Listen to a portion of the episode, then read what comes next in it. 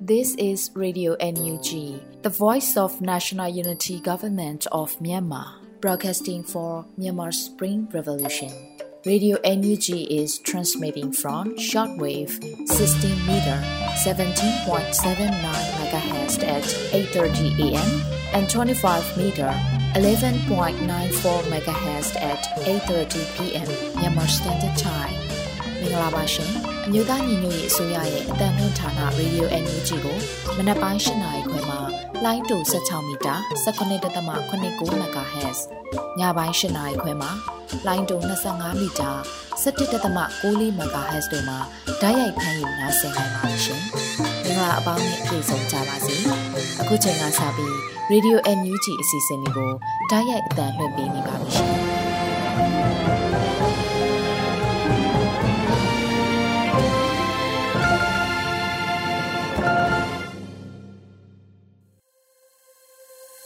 မင်္ဂလာနံနက်ခင်းပါရှင်ရေဒီယို NUG ကိုနားဆင်နေကြတဲ့မိဘပြည်သူများနဲ့မြန်မာနိုင်ငံသူနိုင်ငံသားအပေါင်းတဘာဝဘေးဆရာနာရှင်ဘေးတို့ကနေကင်းဝေးပြီးကိုစိတ်နှပါဘေးကင်းလုံခြုံကြပါစေလို့ရေဒီယို NUG အဖွဲ့သားများကဆုတောင်းမေတ္တာပို့သလိုက်ပါတယ်ဒီကနေ့ဇန်နဝါရီလ16ရက်နေ့ရေဒီယို NUG ရဲ့မနက်ခင်းအစီအစဉ်လေးကိုစတင်ထုတ်လွှင့်ပေးတော့မှာဖြစ်ပါတယ်ပထမအဆုံးအနေနဲ့ရေဒီယို NUG ရဲ့အစီအစဉ်ကောက်နှုတ်ချက်ကိုလွတ်လပ်တွေဦးကဖတ်ကြားတင်ပြပေးတော့မှာဖြစ်ပါတယ်ရှင်။ မင်္ဂလာပါခင်ဗျာ2024ခုနှစ်ဇန်နဝါရီလ16ရက်နေ့မနေ့ပိုင်းအတွက် Radio UNG ရဲ့စစ်ရေးသတင်းများကိုဖတ်ကြားတင်ပြပေးသွားတော့မှာဖြစ်ပါတယ်ကျွန်တော်ကတော့လွတ်လပ်နေဦးပါဦးဆုံးအနေနဲ့ပလော့ဒေတာကာကွယ်ရေးတပ်ဖွဲ့ PRDF အခြေခံစစ်ပညာသင်တန်းအပတ်စဉ်9ကိုကျင်းပခဲ့တဲ့သတင်းကိုတင်ပြဖို့ရှိပါတယ် ပလောဒေတာကာကွယ်တပ်ဖွဲ့ PRTF အခြေခံစစ်ပညာသင်တန်းအပတ်စဉ်9ကိုသင်တန်းသားဥယေ28ဦးနဲ့2023ခုနှစ်စက်တင်ဘာလ22ရက်နေ့မှ2024ခုနှစ်ဇန်နဝါရီလ10ရက်နေ့ထိရက်ပေါင်း100ကြာသင်တန်းပေးခဲ့ပြီးသင်တန်းဆင်ပွဲခန္ဓာကို PRTF နောက်တန်းစခန်းတွင်2024ခုနှစ်ဇန်နဝါရီလ23ရက်နေ့မွန်းလွဲ2နာရီချိန်၌ကျင်းပပြုလုပ်ခဲ့ကြပါတယ်။ သင်တန်းဆင်ပွဲခန္ဓာသို့တပ်မဟာ၄တပ်ရင်း9မှတပ်ရင်းမှု KNDO တပ်ခွဲ2တပ်ခွဲငါပလော့ပြည်သူ့ကာကွယ်ရေးတပ်ဖွဲ့ PPDF ဗိုလ်မိုးကျိုးပြည်သူ့ကာကွယ်ရေးတပ်ဖွဲ့ပလော့စစ်ကြောင်း1ပလော့ဒေသ KNG အုပ်ချုပ်ရေးဗဒိုများပလော့စစ်ပေးဆောင်ကော်မတီနဲ့လွတ်မြောက်နေမြေတွင်းရှိနိစရာပြည်သူများစသည်တို့မှတက်ရောက်ဂုဏ်ပြုခဲ့ကြပါတယ်။တင်နန်းစင်ကာလာတွင်မဟာမိတ်တပ်ဖွဲ့များမှမိန့်ခွန်းပြောကြားခြင်းဆွရတင်နန်းသားများဆုများချီးမြှင့်ပေးခြင်း KNDO အလန်တော်အားသစ္စာခံခြင်းသစ္စာရည်တောက်ခြင်းအားဂုဏ်ပြုပေးခြင်းနဲ့တင်နန်းစင်ရဲပေါ်များနှွေးထွေးစွာကြိုးဆိုခြင်းတို့ကိုလှုပ်ဆောင်ခဲ့ကြတယ်လို့သိရပါတယ်ခင်ဗျာဆက်လက်ပြီးစစ်ကောင်စီဟာအပြစ်ခတ်ရက်စရေးလက်မှတ်ကိုနေ့စဉ်အကြိမ်ကြိမ်ချိုးဖောက်နေတယ်လို့ TNL ကပြောကြားတဲ့သတင်းကိုတင်ပြပါဦးမယ်အကြမ်းဖက်စစ်ကောင်စီဟာအပြစ်ခတ်ရက်စရေးလက်မှတ်ကိုနေ့စဉ်အကြိမ်ကြိမ်ချိုးဖောက်နေတာဖြစ်တယ်လို့တန်အမျိုးသားလွတ်မြောက်ရေးတပ်မတော် TNL ကဇန်နဝါရီလ15ရက်နေ့မှာထပ်မံထုတ်ဖော်ပြောဆိုလိုက်ပါတယ် ဇန်နဝါရီလ15ရက်နေ့ကတအန်းပြည်နယ်တွင်ထိတွေ့တိုက်ပွဲဖြစ်တာမရှိဘဲအကြမ်းဖက်စစ်တပ်ကပြည်သူလူထုကိုပြစ်မှတ်ထားတိုက်ခိုက်နေတာနဲ့ပတ်သက်လို့အခုလိုထုတ်ပြန်ပြောဆိုလိုက်တာဖြစ်ပါတယ်။တပ်မဟာနှစ်စစ်ဒေသကြောက်မဲမြို့နယ်မှာစစ်ကောင်စီရဲ့900နှစ်တပ်စခန်းကနေပြီးမွန်းလွဲ3နိုင်ဝန်းကျင်အချိန်မှာပါပုတ်ကြီးရွာကိုလက်နက်ကြီးနဲ့၄ချိန်ပစ်ခတ်တိုက်ခိုက်ခဲ့တယ်လို့မွန်းလွဲ2နိုင်ချိန်ကလည်းစစ်ကောင်စီတပ်ကတံပူရွာနီးတစ်ဝိုက်ကိုလက်နက်ကြီးနဲ့9ချိန်ပစ်ခတ်တိုက်ခိုက်ခဲ့တယ်လို့ဆိုပါတယ်။ ဒါပြင်နောင်ချိုမြို့နယ်အုံမတီလမ်းခွဲမှာတပ်ဆွဲထားတဲ့စစ်ကောင်စီတပ်ကလည်းမွန်းတက်12နိုင်ကျော်အချိန်မှာ30ရွာကိုလက်နက်ကြီးနဲ့3ကြိမ်ပစ်ခတ်တိုက်ခိုက်ခဲ့တယ်လို့သိရပါတယ်။အလားတူတပ်မဟာ9စစ်ဒေသဖြစ်တဲ့ကုတ်ခိုင်မြို့နယ်မိုင်းယူလေးလွယ်ကန်လွယ်ကုံရွာနီးတစ်ဝိုက်ကိုလည်းစစ်ကောင်စီတပ်က MI35 တိုက်ခိုက်ရေးရဟတ်ရင်နဲ့တကြိမ်လာရောက်ပစ်ခတ်တိုက်ခိုက်ခဲ့တဲ့အကြောင်းအသိပေးထားပါတယ်။ စစ်ကောင်စီရဲ့အခုလိုလုပ်ရဟာအပြစ်ကရက်စဲရေးလက်မှတ်ကိုနေ့စဉ်ချင်းချင်းပေါ်ပေါ်တင်တင်ချိုးဖောက်နေခြင်းဖြစ်တယ်လို့တအန်းတက်မတော် PSLF TNLA တည်င်းနဲ့ပြန်ကြားရေးကထုတ်ပြန်ထားပါတယ်ခင်ဗျာဆက်လက်ပြီးစမီးမြို့တွင်ရခိုင်တပ်တော် AA နဲ့စစ်ကောင်စီတပ်တို့ကြားတိုက်ပွဲပြင်းထန်နေပြီးစစ်တပ်ကလေကြောင်းမှတိုက်ခိုက်ဆိုတဲ့သတင်းကိုတင်ပြပါဦးမယ်။ချင်းပြည်နယ်ပလက်ဝမြို့နယ်စမီးမြို့မှာရခိုင်တပ်တော် AA နဲ့စစ်ကောင်စီတပ်တို့ကြားတိုက်ပွဲတွေပြင်းထန်နေပြီးစစ်တပ်က လေကြောင်းကနေဘုံကျဲတိုက်ခတ်မှုတွေလုပ်နေတယ်လို့ဒေတာတွင်းသတင်းရင်းမြစ်တွေစီကသိရပါတယ်။ဇန်နဝါရီလ14ရက်နေ့မွန်းလွဲပိုင်းကစပြီး AA နဲ့စစ်ကောင်စီတပ်တို့ကြားတိုက်ပွဲတွေဖြစ်နေပြီးစစ်တပ်ကလေကြောင်းကတိုက်ခိုက်နေတာလို့ဒေတာတွင်းသတင်းတွေကိုဖော်ပြနေတဲ့ဇလန်းမှာဖော်ပြထားပါတယ်။အဆိုပါတိုက်ပွဲကြောင့်စမီးမြို့ပေါ်ကို AA ကသွာလာခွင့်ပိတ်ထားတယ်လို့သိရပါတယ်။2023ခုနှစ်ဒီဇင်ဘာလကစပြီးရခိုင်တပ်တော် AA နဲ့စစ်ကောင်စီတပ်တို့ကြားတိုက်ပွဲတွေဖြစ်နေတာကြောင့်မြို့ကန်ပြည်သူတွေဟာမြို့လုံးကျွတ်ဘေးလွတ်ရာကြေးရွာတွေနဲ့ တောတောင်တွေကြားထွက်ပြေးတိမ်းရှောင်နေရတယ်လို့လည်းသိရပါတယ်။ပလက်ဝမြို့နယ်ဟာဇန်နဝါရီလ14ရက်နေ့ကစပြီးစစ်ကောင်စီကင်းစင်တဲ့နေမြေဖြစ်သွားပြီလို့ရခိုင်တပ်တော် AA ကကြေညာထားပေမဲ့ဆမီးမြို့မှာစစ်ကောင်စီရဲ့ဆမီးဗျူဟာကုန်းကြန့်ရှိနေသေးတဲ့အတွက်တိုက်ပွဲတွေပြင်းထန်နေတာလို့ဒေတာတွင်သတင်းရင်းမြစ်တွေကဆိုပါတယ်။ပလက်ဝမြို့နယ်ရှေ့ကျန်းဟာစစ်ရေးအရအရေးပါတဲ့နယ်မြေတစ်ခုဖြစ်ပြီးဆမီးမြို့မှာရှိတဲ့တန်တောင်ခြေဆိုင်စစ်ကောင်စီစခန်းက စစ်ကောင်စီတပ်ဖွဲ့ဝင်တွေနဲ့ရဲတပ်ဖွဲ့ဝင်တွေဟာ2023ခုနှစ်ဩဂုတ်လနောက်ဆုံးပတ်ကလေးကစခန်းကိုစွန့်ခွာသွားခဲ့ကြပြီဖြစ်ပါတယ်ခင်ဗျာ။ဟန်လင်းပြူမြို့ဟောင်းမှာတပ်ဆွဲထားတဲ့အကြမ်းဖက်စစ်ကောင်စီတပ်ကိုကာကွယ်ရေးတပ်များကတိုက်ခိုက်ခဲ့တဲ့တဲ့တင်ကိုတင်ပြပါဦးမယ်။ဇန်နဝါရီလ15ရက်နေ့မှာပြည်သူ့အစီကံတော်လိုင်းရေးတပ်ဖွဲ့ဝက်လက်က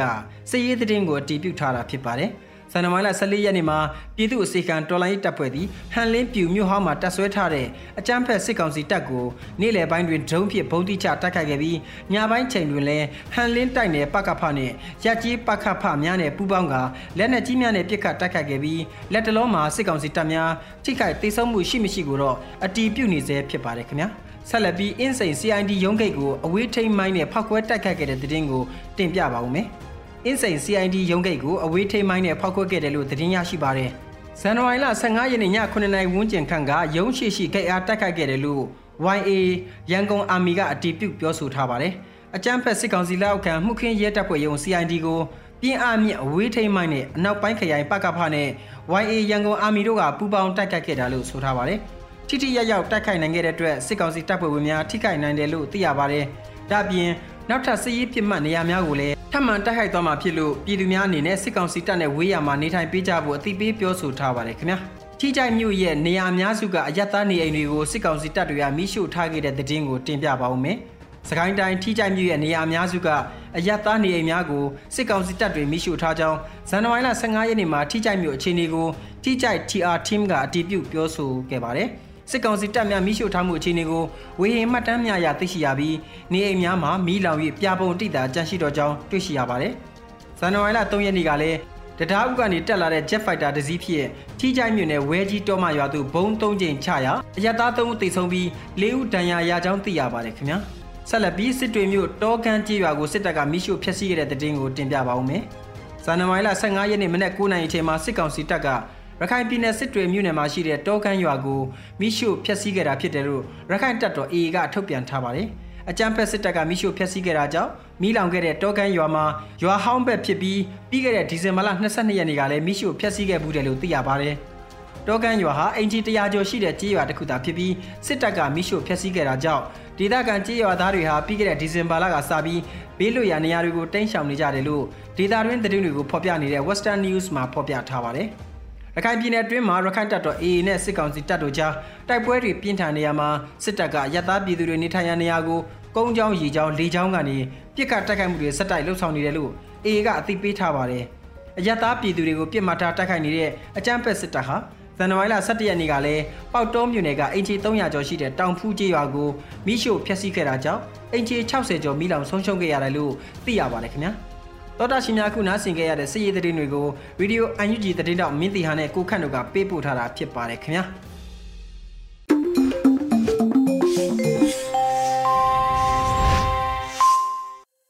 ရေဒီယိုအန်ယူဂျီကိုနားဆင်နေကြတဲ့မိဘပြည်သူများရှင်အခုဆက်လက်ပြီးပြည်ရင်းသတင်းများကိုတော့ Sortes ဝင်းနေမှဖတ်ကြားတင်ပြပေးတော့မှာဖြစ်ပါတယ်ရှင်။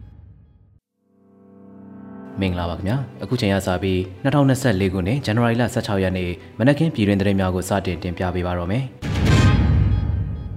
ပထမအဆုံးအနေနဲ့တောင်သူလယ်သမားကြီးများလိုအပ်နေတဲ့စိုက်ပျိုးရေးရရှိရေးနဲ့စစ်ပေးရှောင်ဒေသများအတွက်တောက်သုံးရေးရရှိရေးဤပညာပေးခြင်းပံ့ပိုးလှုပ်ဆောင်ပေးခြင်းတို့ကိုလှုပ်ဆောင်နေတဲ့သတင်းကိုစတင်တင်ပြပေးပါမယ်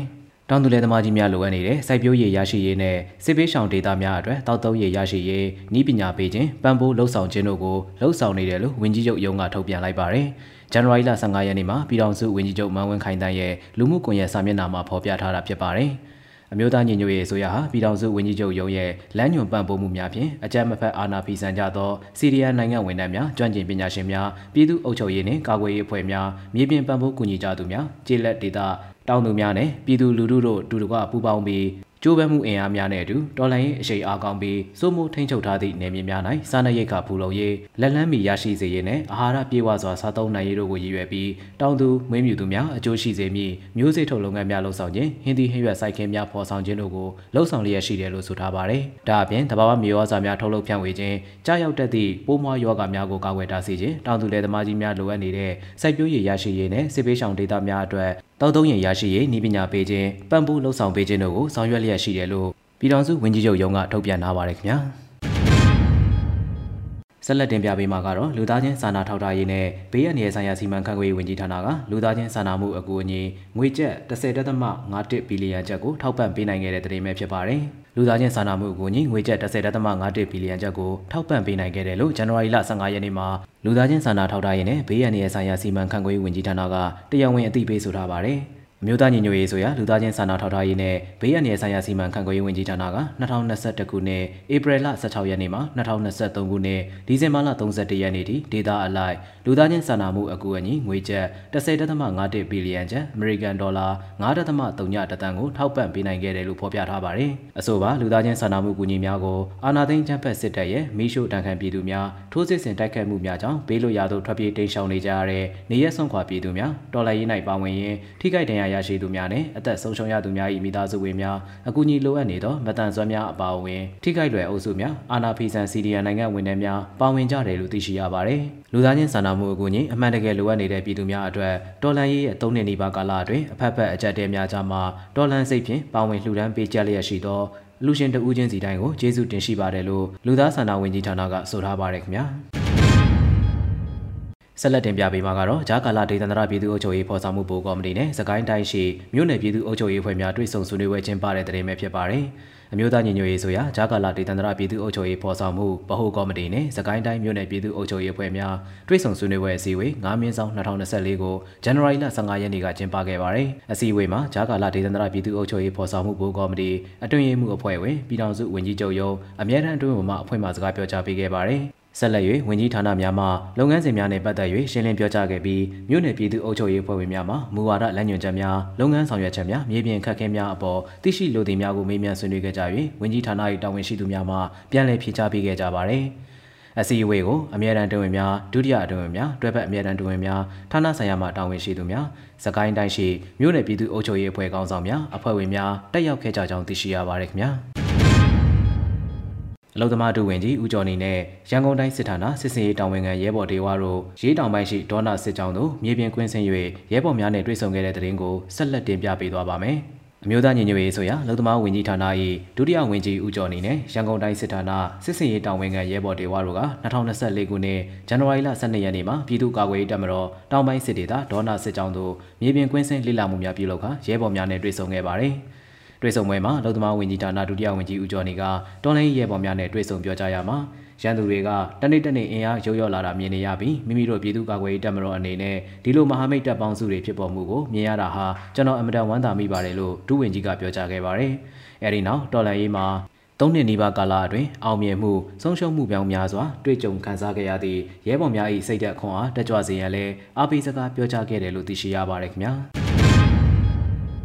သိန်းပေါင်း2200ကျော်အားဝင်ကြီးဌာနအသီးသီးမှပြည်သူ့ဝန်ထမ်းစီဒီအန်ဦးရေ4000ကျော်အားထောက်ပံ့မှုပေးနိုင်ခဲ့တဲ့တဲ့တင်ကိုဆက်လက်တင်ပြပေးသွားပါမယ်။ပြည်ထောင်စုလွှတ်တော်ကိုစားပြုကော်မတီပုံမှန်လုပ်ငန်းညှိနှိုင်းအစည်းအဝေးအမှတ်စဉ်နှစ်မြင့်ဆောင်2024မှာမြို့သားညီညွတ်ရေးအစိုးရ CDM Success Committee အနေဖြင့်ဆောင်ရွက်ထားရှိသည့်လုပ်ငန်းစဉ်များအားရှင်းလင်းတင်ပြရမှာအဆိုပါထောက်ပံ့မှုကိုသိရှိရခြင်းဖြစ်ပါတယ်။ CDM Success Committee မှာတွဲဖက်အတွင်းရေးမှူးဒေါက်တာအုတ်ကာကကော်မတီရဲ့လုပ်ငန်းအခြေအနေများကိုရှင်းလင်းတင်ပြရမှာ2022ခုနှစ်ဇူလိုင်လမှ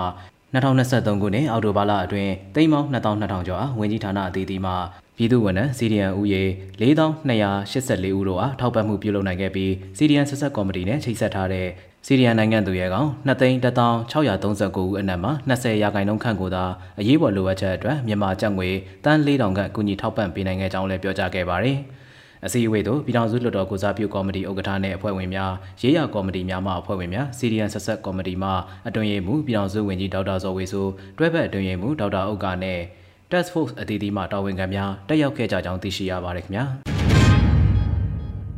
ဆက်လက်တင်ပြပေးမှာကတော့နတလင်းမြို့နယ်အတွင်းစစ်ကောင်စီတပ်ကြောင့်မိဘတင်ခဲ့သူများကိုတော်လိုင်းရင်အင်အားစုများကကြက်ဆဲသိန်းထောက်ပံ့ခဲ့တဲ့တဲ့ရင်ပဲဖြစ်ပါတယ်။ဗ ပဲခူးတိုင်းနောက်ချမ်းတာယာဝတီခရိုင်နတလင်းမြို့နယ်အတွင်းအကြမ်းဖက်စစ်ကောင်စီရဲ့မိရှို့ဖျက်ဆီးမှုကြောင့်မိဘသိမ်းခဲ့ရသူတွေကိုတော်လိုင်းအင်အားစုများကကြက်ဆယ်သိန်းထောက်ပံ့ခဲ့တယ်လို့ Phoenix DF ကထုတ်ပြန်ထားပါတယ်။နတလင်းမြို့နယ်တောင်ညိုဆယ်ထပ်ပိုင်းမှာရှိတဲ့ခြေရွာတွေကမိဘသိမ်းဒေသခံတွေကိုတောင်ညိုတော်လိုင်းရေးထောက်ကူပြုဖွဲ့ကဇန်နဝါရီလ14ရက်နေ့မှာထောက်ပံ့လှူဒါန်းပေးခဲ့တာလို့သိရှိရပါတယ်။အဆိုပါမိဘေးတင်ပြည်သူများအတွက်တောင်ညိုဒေါ်လာရေးထောက်ကူပြုဖွဲ့ရဲ့လှူဒန်းငွေကိုနတလင်းမြို့နယ်ခြေဆိုင်ဒေါ်လာရေးတပ်ဖွဲ့တွေဖြစ်တဲ့ Phoenix DF အဖွဲ့ကတက်ခွဲမှုပုံမိုးချိုနဲ့ MRF နတလင်းအဖွဲ့ကတက်ခွဲမှုဘိုနေတို့ကရဲဘော်များနဲ့တူတွားရောက်ထောက်ပံ့ခဲ့တာဖြစ်ပါတယ်။ စစ်ကောင်စီတပ်ကနတလင်းမြို့နယ်တောင်ညိုဆယ်ထပ်ပိုင်းရှိကျေးရွာများမှဒေသခံများရဲ့နေအိမ်တွေနဲ့စစ်ဆောင်တဲတွေကို2023ခုနှစ်ဒီဇင်ဘာလ18ရက်ကစပြီးမီးရှို့ဖျက်ဆီးခဲ့တယ်လို့ဒေသခံစစ်ဆောင်9ဦးကိုလည်းမီးရှို့တပ်ဖြတ်ခဲ့တယ်လို့ဒေသတွင်းသတင်းအရင်းမြစ်တွေကပြောကြားထားပါသေးတယ်။စစ်ကောင်စီတပ်တွေရဲ့မီးရှို့ဖျက်ဆီးမှုကြောင့်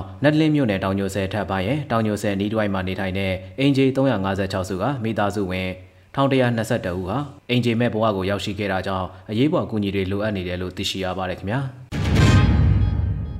မြန်မာနိုင်ငံရှမ်းပြည်နယ်အထူးဒေသ1မှာစစ်ကောင်စီနဲ့လက်အောက်ခံကိုကန်ဖွဲ့ကထုတ်ပြန်ထားသောအမိန့်စစ်အုပ်ချုပ်ရေးများအားလုံးကိုဖျက်သိမ်းကြောင်း MNDAA ကကြေညာလိုက်တဲ့သတင်းကိုတင်ပြပေးသွားပါမယ်။ရှမ်းပြည်နယ်မြောက်ပိုင်းလောက်ကိုင်ပါဝင်ရှမ်းပြည်နယ်အထူး1ဒေသမှာစစ်ကောင်စီနဲ့လက်အောက်ခံကိုကန်ဖွဲ့ကထုတ်ပြန်ထားတဲ့အမိန့်တွေစစ်အုပ်ချုပ်ရေးများကို MNDAA ကဖျက်သိမ်းလိုက်ကြောင်းဇန်နဝါရီလ14ရက်မှာကြေညာလိုက်ကြောင်းသိရှိရပါတယ်။စစ်အာဏာသိမ်းအဖွဲ့နဲ့ကိုကန်အုပ်ချုပ်ရေးအဖွဲ့တို့ကအထူးဒေသ1အတွင်းထုတ်ပြန်ထားသောနိုင်ငံရေးအမိန့်အုပ်ချုပ်ရေးအမိန့်များနဲ့စစ်အုပ်ချုပ်ရေးအားလုံးကိုဖျက်သိမ်းလိုက်ပြီးအထူးဒေသ1၏မူလဥပဒေနှင့်ဤဥပဒေများကိုအပြည့်အဝပြန်လည်ကျင့်သုံးလိုက်ကြောင်းအကယ်၍မရှင်းလင်းသည့်များရှိပါကဒေသဆိုင်ရာအစိုးရဌာနများတွင်စုံစမ်းမေးမြန်းနိုင်ကြောင်း MNDA မှယမနေ့မှတရားဝင်ထုတ်ပြန်ကြေညာခဲ့ပါတယ်။ဒါကတော့စစ်ကောင်စီလက်ခံသည်ဖြစ်စေလက်မခံစီဖြစ်စေအတိမတ်ပြုသည်ဖြစ်စေမပြုသည်ဖြစ်စေလွတ်လပ်တဲ့ကိုယ်ပိုင်အုပ်ချုပ်ခွင့်ရအစိုးရတရက်ပေါ်ထွန်းလာတာပါ။ တမိုင်းဝင်နေ့ရက်တမိုင်းဝင်အဖြစ်ပြတ်ပါလို့တရုတ်မြန်မာနယ်စပ်ရေးသတင်းရင်းမြစ်ကပြောကြားခဲ့ပါတယ်။ကိုကန် MNDA အနေဖြင့်၎င်းတို့သိမ်းပိုက်ရရှိထားသောနယ်မြေများကိုမြန်မာနိုင်ငံရှမ်းပြည်နယ်အထူးဒေသအဖြစ် အခြေခံဥပဒေဖြင့်ထူထောင်မည်ဟု MNDA စစ်ဦးစီးချုပ်မြန်မာနိုင်ငံရှမ်းပြည်နယ်အထူးဒေသတစ်အုပ်ချုပ်ရေးကော်မတီဥက္ကဋ္ဌဦးဖုန်တဲရင်ကဇန်နဝါရီလ2ရက်နေ့မှာတရားဝင်ကြေညာထားခဲ့ပါတယ်။မြန်မာနိုင်ငံရှမ်းပြည်နယ်အထူးဒေသ၏အာဏာပြန်လည်ရရှိရေးသည်မိမိတို့အမျိုးသားရေးလုပ်ငန်းစဉ်၏ပထမခြေလှမ်းများသာဖြစ်သည်မိမိတို့အနေဖြင့်အထူးဒေသတစ်ကိုပြန်လည်ထူထောင်နိုင်ရေးအတွက်ပါတီအုပ်ချုပ်ရေးကော်မတီနဲ့တက်မတော်တည်ဆောက်ရေးစနစ်နိုင်ငံရေးစနစ်အုပ်ချုပ်ရေးစနစ်နဲ့ကေတာတင်တန်းများစသဖြင့် ပြင်ဆင်မှုများပြုခဲ့ပြီးဖြစ်တော်လဲစစ်ပွဲအပြီးကိုကန့်ဒေတာပြန်လည်ကောင်းမွန်လာရေးအတွက်ရဲဘော်တို့အနေဖြင့်ရှေ့ရှုကတော်လိုင်းသမားလူကြီးတို့၏ချွေတာတတ်သောအစဉ်အလာလုပ်ပုံကိုင်းပေါ်အမွေများကိုစက္ကန့်ပြီးမိမိဒေတာတိဆောက်ရေးပေါ်အစွမ်းကုန်အပင်ပန်းခံစ조사အားထုတ်သောလုပ်ဟန်ဖြင့်အထူးဒေတာတစ်အခြေခံဥပဒေကိုအခြေခံပြီးဒေတာဖွံ့ဖြိုးတိုးတက်ရေးကိုပြည်သူလူထုနှင့်တကွကြိုးပမ်းအားထုတ်ကြရမည်ဖြစ်ပါသည်ဟု MNDA စစ်ဦးစီးချုပ်မြန်မာနိုင်ငံရှမ်းပြည်နယ်အထူးဒေတာတစ်အုပ်ချုပ်ရေးကော်မတီဥက္ကဋ္ဌဦးဖုန်တဲရင်ကပြောဆိုခဲ့ပါရခင်ဗျာအခုတင်ပြခဲ့တဲ့သတင်းတွေကိုတော့ Radio အန်ယူဂျီသတင်းတော့မင်းတီဟန်နဲ့ကိုခန့်တို့ကပေးပို့ထားတာဖြစ်ပါတယ်ကျွန်တော်စောတဲလူနေပါ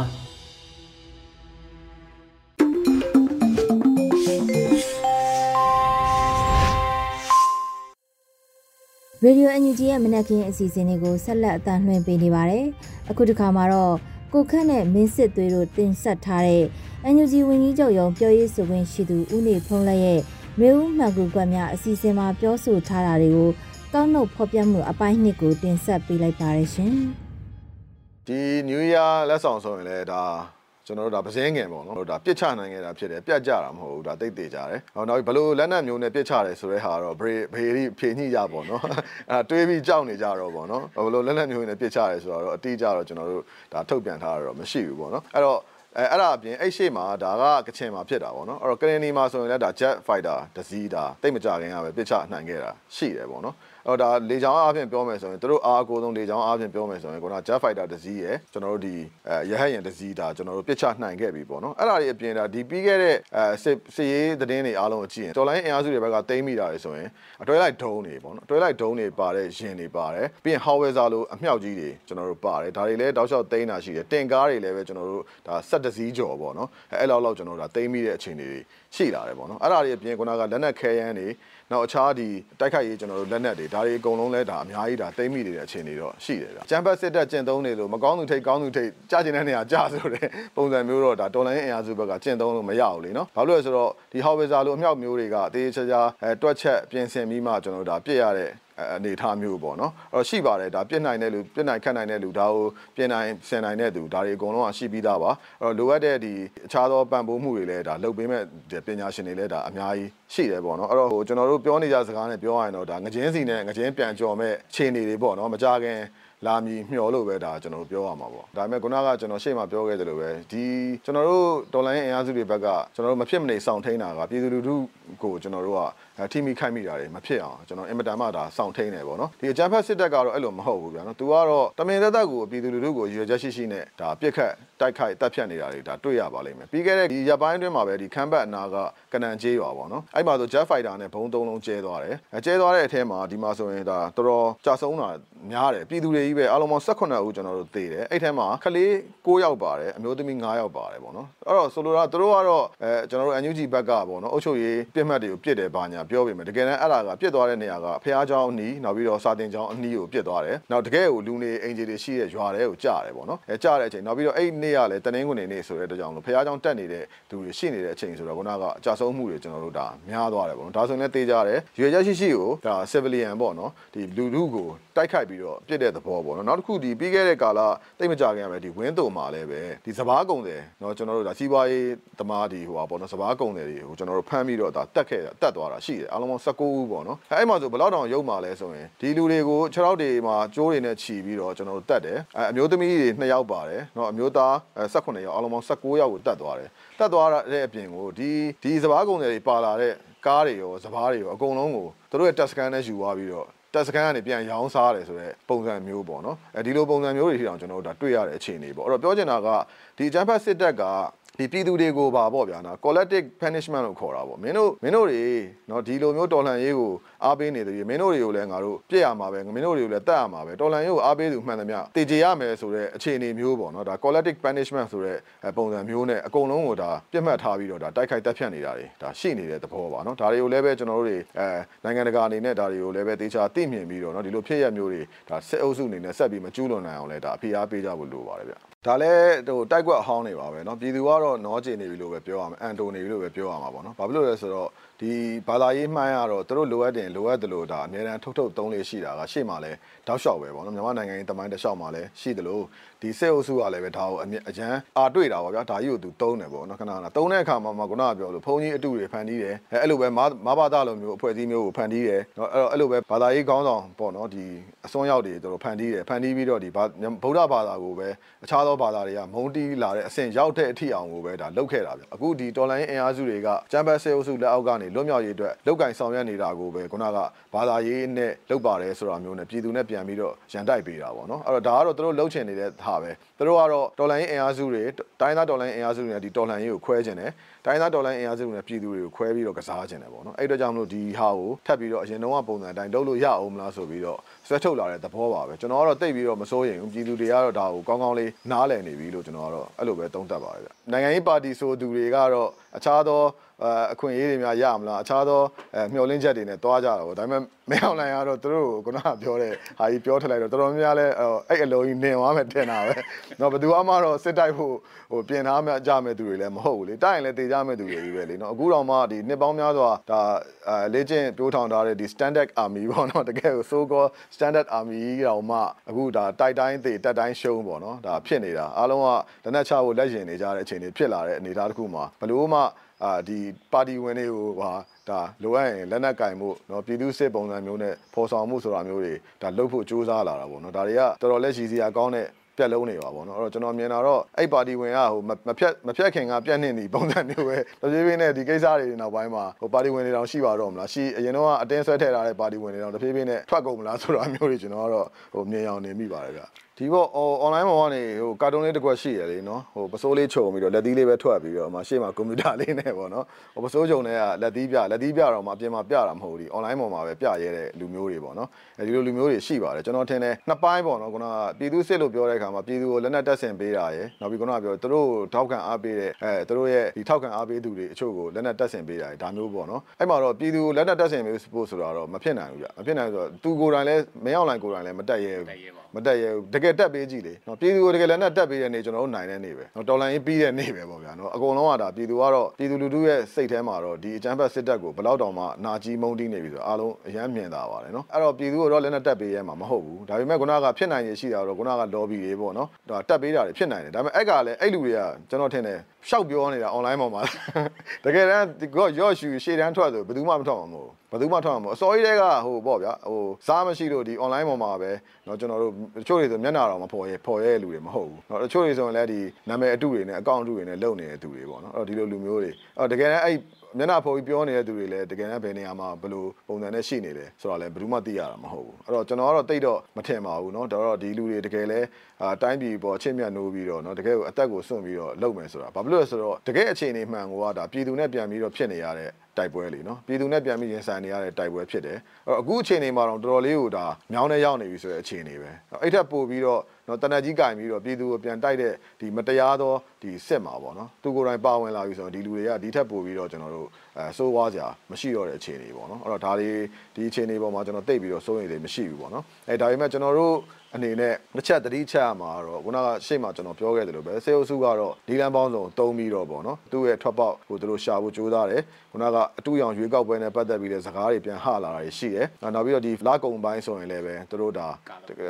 ကာလုံးပြန်ခေါ်ပြီးတော့တစုံတရာသူတို့အပြောင်းလဲတွေလုပ်ရမယ့်အနေအထားမျိုးတွေလည်းရှိနိုင်တယ်ပေါ့နော်အဲ့အတွက်ကြောင့်မလို့ဒီဘက်ကစစ်ပွဲတွေကိုလည်းရက်ဖို့ပေါ့နော်ရက်ဖို့သူတို့တလိုင်းမီလိုင်းလာနေတဲ့လိုင်းလုံးတွေကိုလည်းကြော်ပါနိုင်အောင်သူတို့စူးစမ်းနေရတယ်လည်းရှိတယ်ပေါ့နော်အဲ့တော့သူကတော့အကွက်စုံထုတ်သုံးပြီးတော့လုပ်မှာပဲ ဒါပေမဲ့လည်းအဲ့အကွက်တေမှာပေါ့နော်ဒီဒီနက်ကရကြည်မောနေတာမျိုးမဟုတ်ပဲねပေါ့နော်ကျွန်တော်တို့ကကိုကိုယ့်ရဲ့ကြီးမှန်းချက်ပန်းနိုင်ကိုကျွန်တော်ဒီဇိုင်းမှန်မှန်နဲ့ကျွန်တော်ဆက်သွားပြီးတော့ကျွန်တော်တို့ကျန်းဖက်စေအုပ်စုကျွန်တော်တို့ပြုတ်ကြပြီးတော့ Federal Democracy ပြည်တော်စုဒါထူထောင်နိုင်တဲ့ပန်းနိုင်ရောက်တဲ့အထိကိုဒီဇိုင်းမှန်မှန်သွားကြဖို့ပဲကျွန်တော်ကတော့တတိထားထားစီချင်ပါတယ်ဗျအားလုံး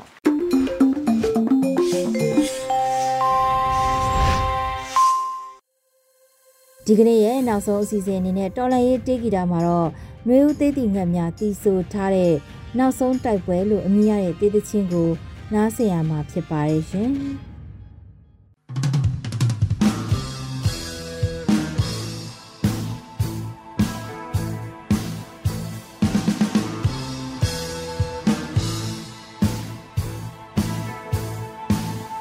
ဘယ်လိုမှထိန်ချုံများဘယ်လိုမှတားစီများခိုင်မာတဲ့ငါတို့ရဲ့ ဆန္ဒစေမတဲ့ဒီမိုကရေစီလွယ်လွယ်နဲ့များဘိုးကြီးမငါတို့တည်တယ်ဘယ်တော့မှမဖြောင်းမရဘယ်လိုမှခွင်လို့မရအတားနဲ့ရေးခဲ့တဲ့သမိုင်းများစေမတဲ့ဒီမိုကရေစီလွယ်လွယ်နဲ့များ ပေးစမှုကြီးမှငါတို့တည်တယ်ဘယ်လိုခက်ခဲနေစေမာရပေးစရစေငါတို့နာခတ်တွေမြစ်ချုံမဲ့တိုက်ပွဲဘယ်လောက်တန်းနေစေမာရပေးစရစေအာနာရှင်တွေဆုံးသမဲ့နောက်ဆုံးတိုက်ပွဲ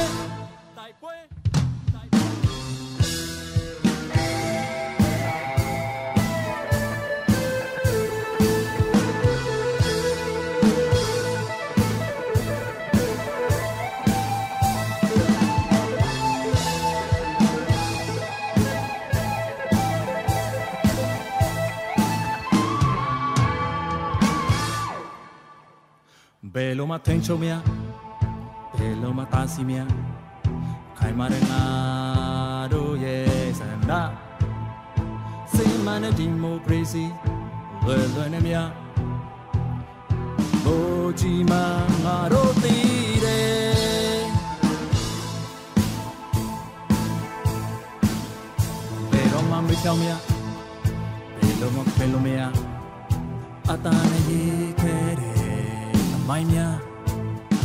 စင်မနဲ့ဒီမိုကရေစီလွယ်လွယ်နဲ့များဒီစမှုကြီးမှငါတို့တည်တယ်ဘယ်လိုခက်ခဲနေစေဘာတွေဒီကနေ့ကတော့ဒီညနဲ့ပဲ Radio NUG ရဲ့အစီအစဉ်လေးကိုခਿੱတရနာလိုက်ပါမယ်ရှင်။မြမစံတော်ချိန်မနက်၈နာရီခွဲနဲ့ည၈နာရီခွဲအချိန်တွေမှာပြန်လည်ဆုံတွေ့ကြပါစို့။ Radio NUG ကိုမနက်ပိုင်း၈နာရီခွဲမှာ လိုင်းတူ16မီတာ19.8 MHz ညပိုင်း၈နာရီခွဲမှာလိုင်းတူ25မီတာ17.6 MHz တို့မှာဓာတ်ရိုက်ဖမ်းလို့နိုင်စေနိုင်ပါပြီ။မြန်မာနိုင်ငံသူနိုင်ငံသားတွေကိုစိတ်နှပြကျန်းမာချမ်းသာလို့ဘေးကင်းလုံခြုံကြပါစေလို့ Radio NUG အဖွဲ့သူဖွဲ့သားတွေကဆုတောင်းမြတ်တာပို့တာလိုက်ရပါတယ်ရှင်။အမျိုးသားညီညွတ်ရေးအစိုးရရဲ့စက်သွေးရေးသတင်းအချက်အလက်နဲ့လူပညာဝန်ကြီး Radio NUG ဖြစ်ပါတယ်။ San Francisco Bay Area အခြေစိုက်မြန်မာမိသားစုတွေနဲ့နိုင်ငံတကာကစေတနာရှင်လို့အားပေးနေတဲ့ Radio NUG ဖြစ်ပါတယ်။အရေးတော်ပုံအောင်ရမည်